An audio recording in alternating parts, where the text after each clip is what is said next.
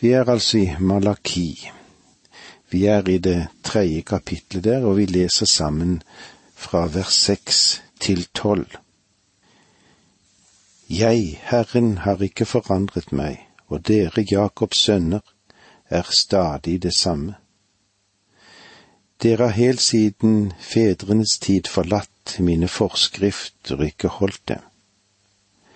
Vend tilbake til meg, så skal jeg vende meg til dere, sier Herren Allers Gud.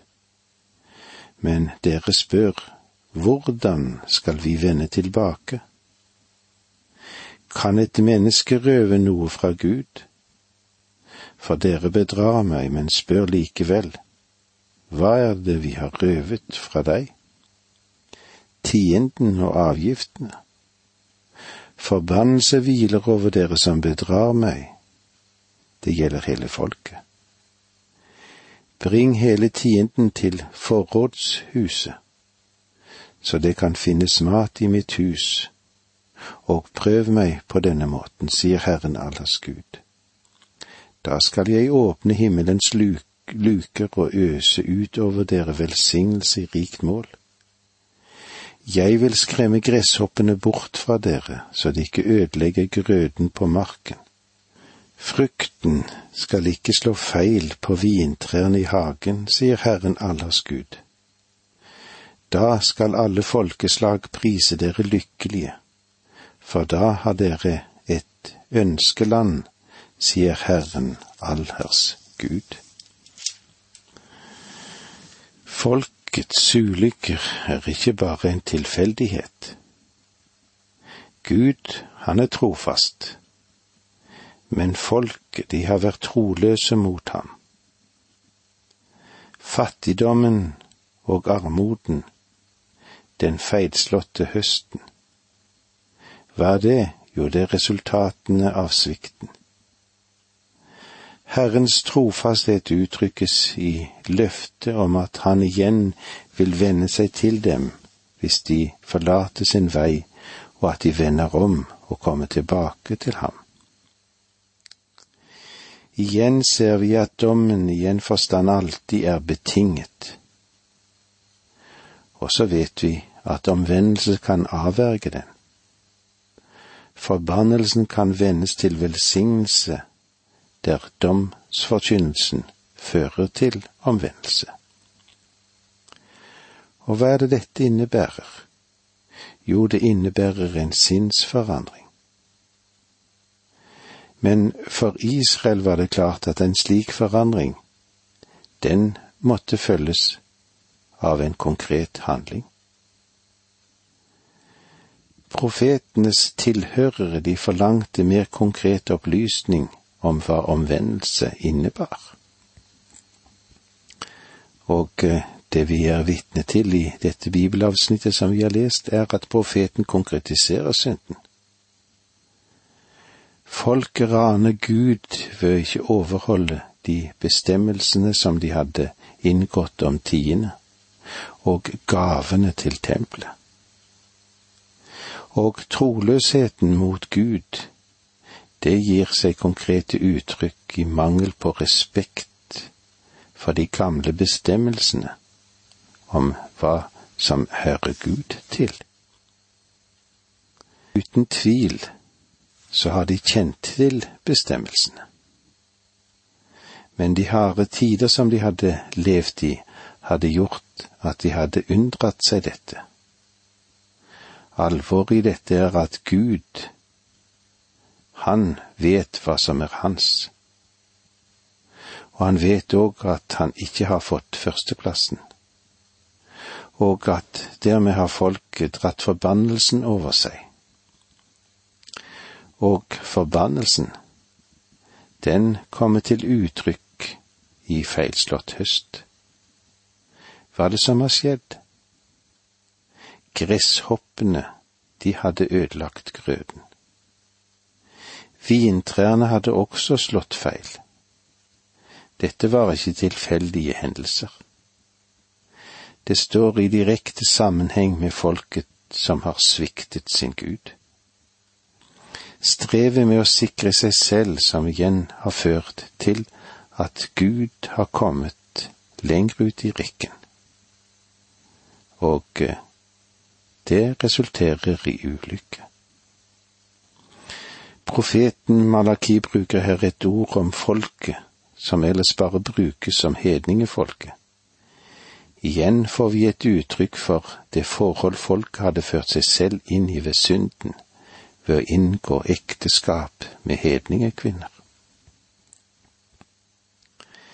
Hvordan kan så omvendelsen konkretiseres? La Gud få det som er hans. La Gud få førsteplassen. Dette uttrykkes ved at hans forordninger må tas på alvor. Da vil han sørge for at folk ikke bare får det nødvendige, men de får det rikelig igjen.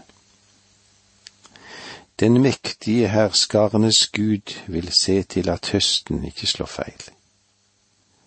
Han vil da holde borte det som måtte ødelegge og det som ville skade. Så tydelig kan velsignelsen være over dem hvis de vender om. Og dette er vel noe som vi burde trekke inn over oss alle sammen, både som norske borgere og som verdens nasjon. Tenk om vi kunne ta imot det som Herren har å si oss og gi oss. Hans budskap er budskapet til et mismodig folk, og så er det godt å vite at Gud er den samme. Omvendelse til ham fører at en trofast igjen kan gi og motta og få rik velsignelse. La oss åpne hjertets dører på vidt gap, slik at kongen kan dra inn. Det er ikke sikkert at det skjer ved basunstøt som det gjorde i fordums tid. Det er ikke sikkert at det glitrer i juveler. Det er ikke sikkert at det høres rop fra herolder. Men likevel drar han inn i ditt hjertets innerste helligdom. Er det ikke dette vi trenger, både du og jeg, og som folk? Skynd deg, store Herre, og gjør din velsignede gjerning i våre fattige hjerter, slik at vi kan bli renset, som gull og sølv, og vi kan tilby deg rettferdighetens offer da skal det bli glede å bære tienden inn i forrådshuset. Vi må slippe Den hellige ånd til i våre liv. Men åndens åpenbarelse, det gir oss det vi trenger til. Den hellige ånd er en stor gave som en kristen får når han tar imot den Herre Jesus Kristus og bli frelst. Og den ånden som da lever i oss, er at vi får leve og virke som Guds barn.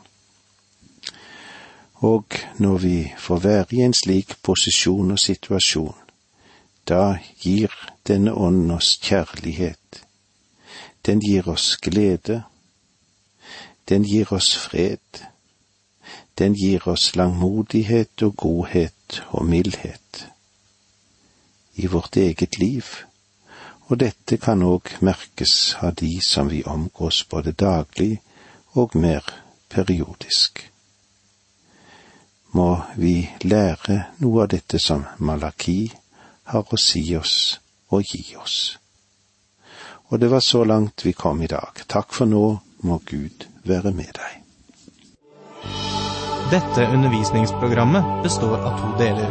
Åge Nevland fortsetter nå med andre del av dagens undervisning. Vi er i profeten Malaki, han som er budbringeren, han som har og virker som en engelsk budbærer. Men det er vanskelige oppgaver han skal utføre, men de er nyttige også for oss som lever i dag. Vi leser nå sammen det syvende verset i kapittel tre hos Malaki. Dere har helt siden fedrenes tid forlatt mine forskrifter og ikke holdt dem. Vend tilbake til meg, så skal jeg vende meg til dere, sier Herren allers Gud. Men dere spør, hvordan skal vi vende tilbake? Hvilken smarting er dette er. Tenk, de sier til Gud, du sier at vi må vende tilbake til deg, men vi visste ikke at vi hadde gått fra deg. Vi har vandret opp til tempelet til alle gudstjenester, og vi betaler stort sett vår tiende. Vi gjør dette og dette, ja, vi gjør mye mer enn det. Men hvordan kan vi vende tilbake når vi egentlig ikke har forlatt deg?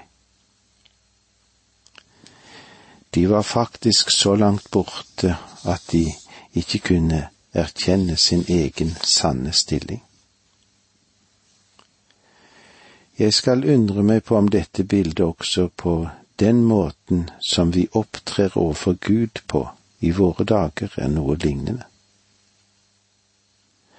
Er vi fornøyd med våre ytre former? Er vi fornøyd med en smakløs moral?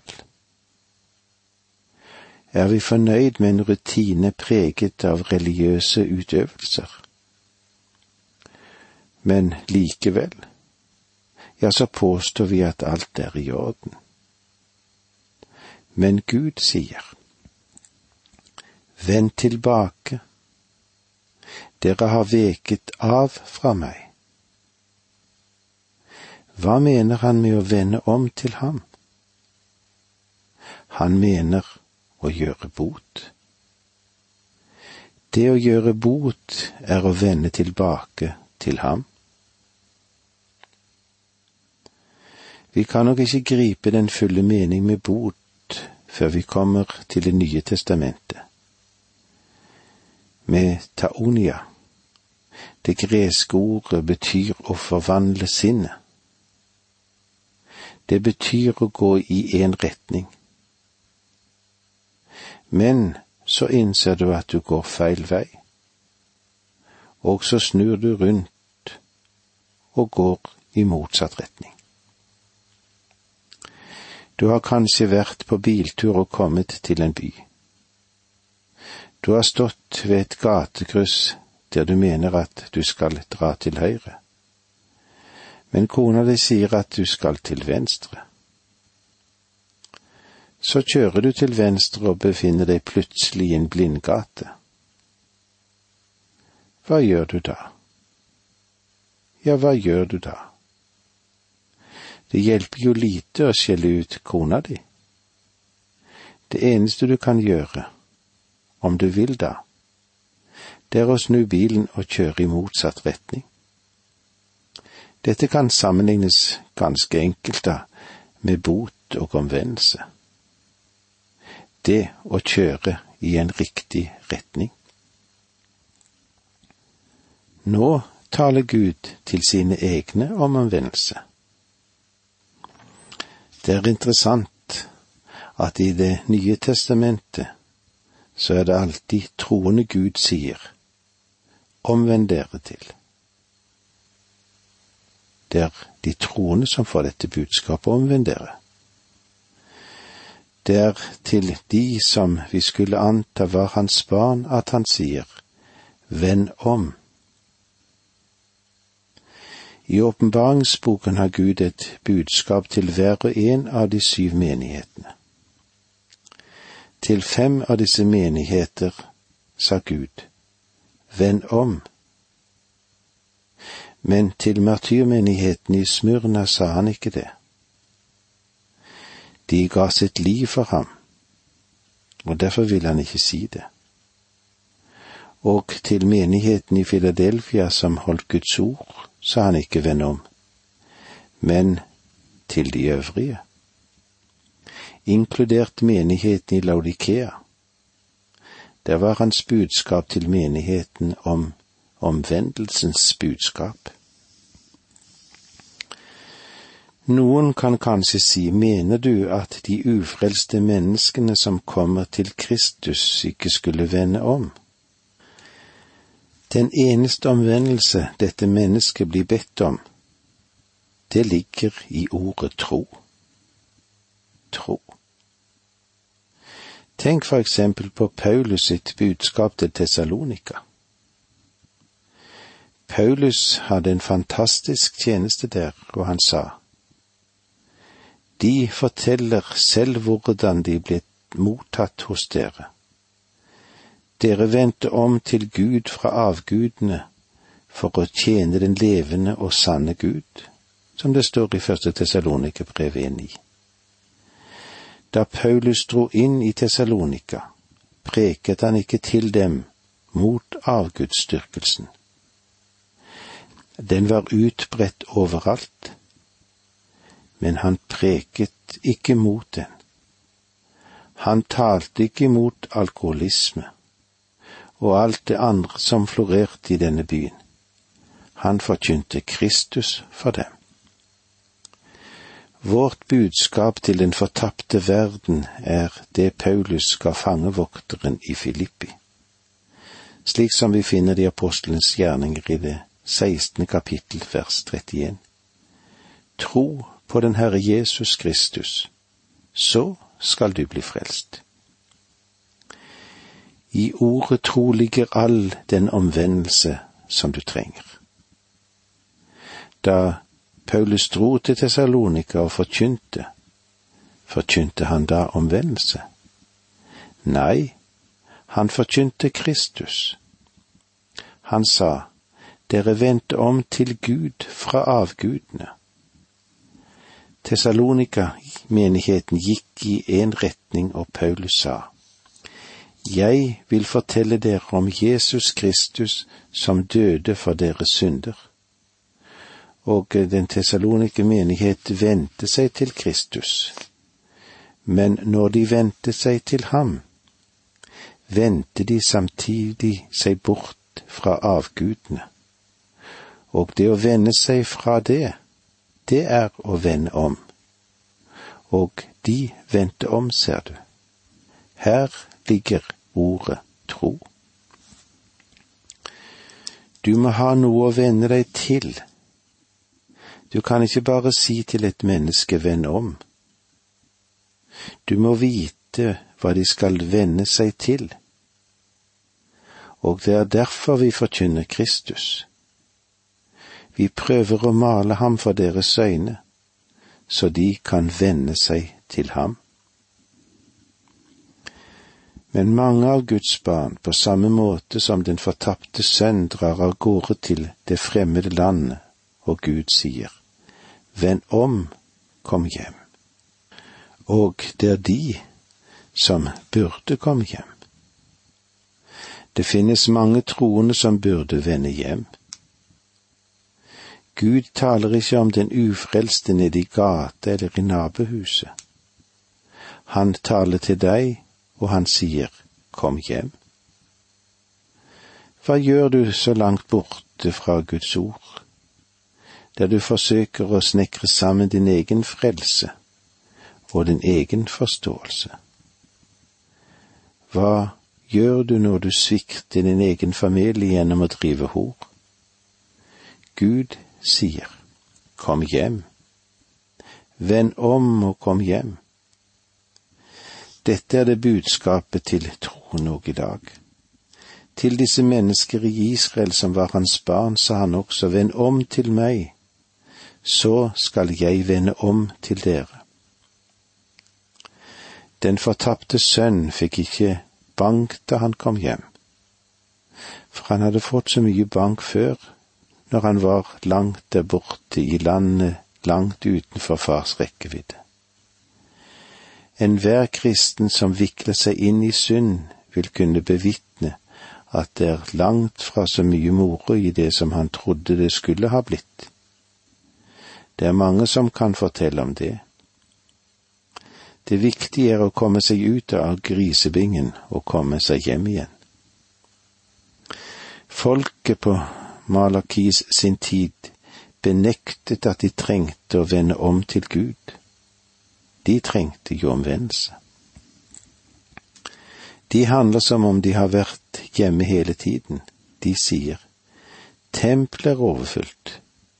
Vi holder fast ved våre ritualer. Hva mener du egentlig når du sier vend om?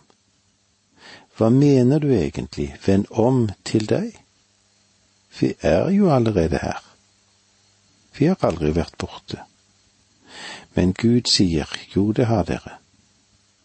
Kanskje dere holder fast ved en del av ritualer, men hjertet, det er langt borte fra meg. Og det var eh, det vi fikk med oss i dag. Takk for nå må Gud være med deg.